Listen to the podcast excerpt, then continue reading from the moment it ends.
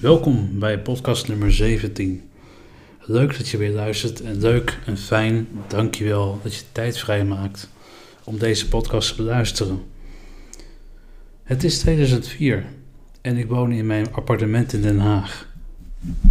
Op een gegeven moment word ik uit mijn bed gebeld. Maar dat was niet een, een, een bel van de telefoon, maar het was een deurbel. En ik had, in die tijd had ik een uh, draadloos, draadloos deurbel. En ik loop naar het raam. Ik trek hem open. En ik hoor, politie, doe open. Ik dacht, oké. Dus ja, in die, uh, in die periode dronk ik gewoon heel erg veel. Door de week. En uh, dus ik was niet echt op mijn best. Dus ik liep naar beneden. En ik uh, deed de deur open. Stond een heel arrestatieteam voor de deur. Met een ja, machtiging tot binnentreden. Dus die uh, politieagent die drukte zo'n machtiging in mijn neus.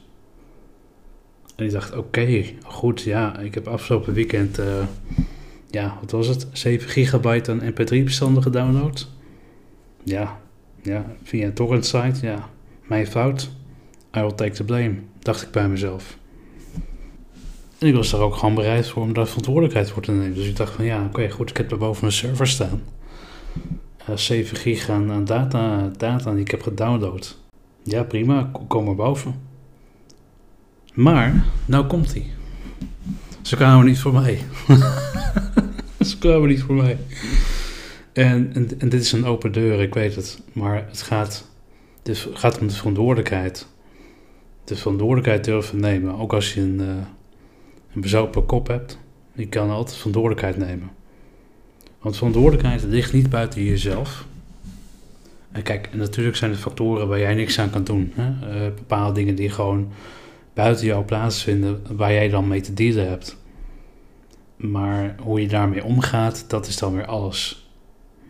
En wat het ook is, hè, wat er ook gebeurt, jij bent verantwoordelijk voor jouw leven. Het was mijn verantwoordelijkheid dat ik het appartement in 2003 kocht in Den Haag. En ik wist dat het een slechte buurt was. Maar ik kocht het huis voor een prikkie. En het was dus niet de bank die mij op 20-jarige leeftijd een hypotheek gaf voor het huis. Of de overheid die meer aan die wijk zou moeten besteden omdat het zo'n slechte wijk was. Dus wil daar eigenlijk mee wil zeggen dat het gewoon ook de verantwoordelijkheid, die verantwoordelijkheid, die, die nam ik al.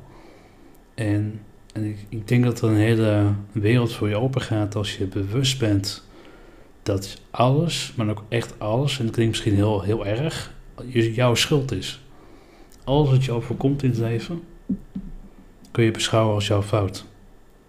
En als je die draait, die draai maakt, en ik moet het soms ook af en van mijzelf bijsturen.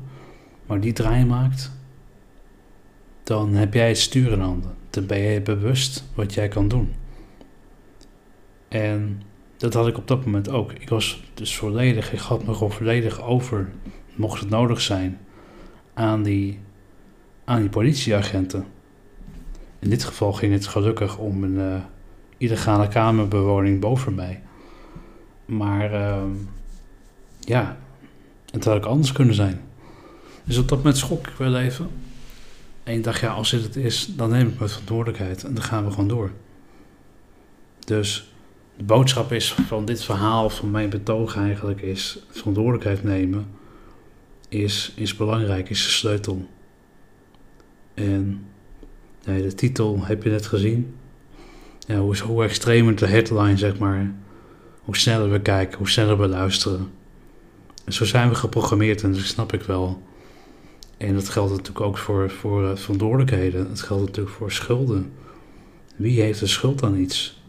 Kijk, ik zeg altijd: alles wat je onder je 18, onder je 18e is gebeurd, daar kun je niks aan doen.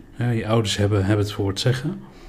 En, maar na je 18e kun je alles aan doen om jouw leven naar een hoger niveau te brengen. En dat heb ik mezelf ook destijds heel vaak voorgehouden. Van oké Erik, het gebeurt nu eenmaal. Maar jij, jij, mag aan het touwtjes trekken. Jij bent niet het slachtoffer. Ja, je bent wel slachtoffer van iets, hè? Dat, dat, hè? Maar er is een verschil tussen een slachtofferschap? Dat je zegt, oké, ja, ik ben zielig, want ik ben slachtoffer. Ik kan zeggen, ja, ik ben slachtoffer van mijn vader die mij... eh, die, eh, mijn vader die eh, in mijn ogen een psychopaat is, narcistisch is... en mij erin heeft meegenomen. Daar ben ik slachtoffer van. Dat klopt. Maar er is ook nog een je als slachtoffer gedragen en dat als excuus opvoeren van alles wat je doet. Dan, dan is dat weer een ander verhaal. Dus slachtoffer zijn is één. En mee omgaan is twee. Ja, je hoeft niet in, te blijven hangen. Dat wil ik eigenlijk zeggen. Je hoeft niet in, in te blijven hangen dat dat gebeurd is. Ja, dus neem je verantwoordelijkheid. En, en natuurlijk, hè, sommige dingen, nogmaals, eh, zijn altijd factoren waar je niks aan kan doen. Helemaal niks. Dat hebben we afgelopen jaren ook gezien. We kunnen daar helemaal niks, 0,0 aan doen. Maar het enige wat we dan kunnen doen, oké, eh, hoe gaan we ermee om? Wat gaan we ervan maken? Gaan we iets moois van maken? Gaan we een mooi leven met elkaar creëren? Want dat is ook, ook volgens mij mijn, mijn project, mijn, mijn kindje, het vers- verspreid liefdeverhaal. Gaan we mooie dingen verspreiden in, in de wereld? Hè? Gaan we daar iets mee doen?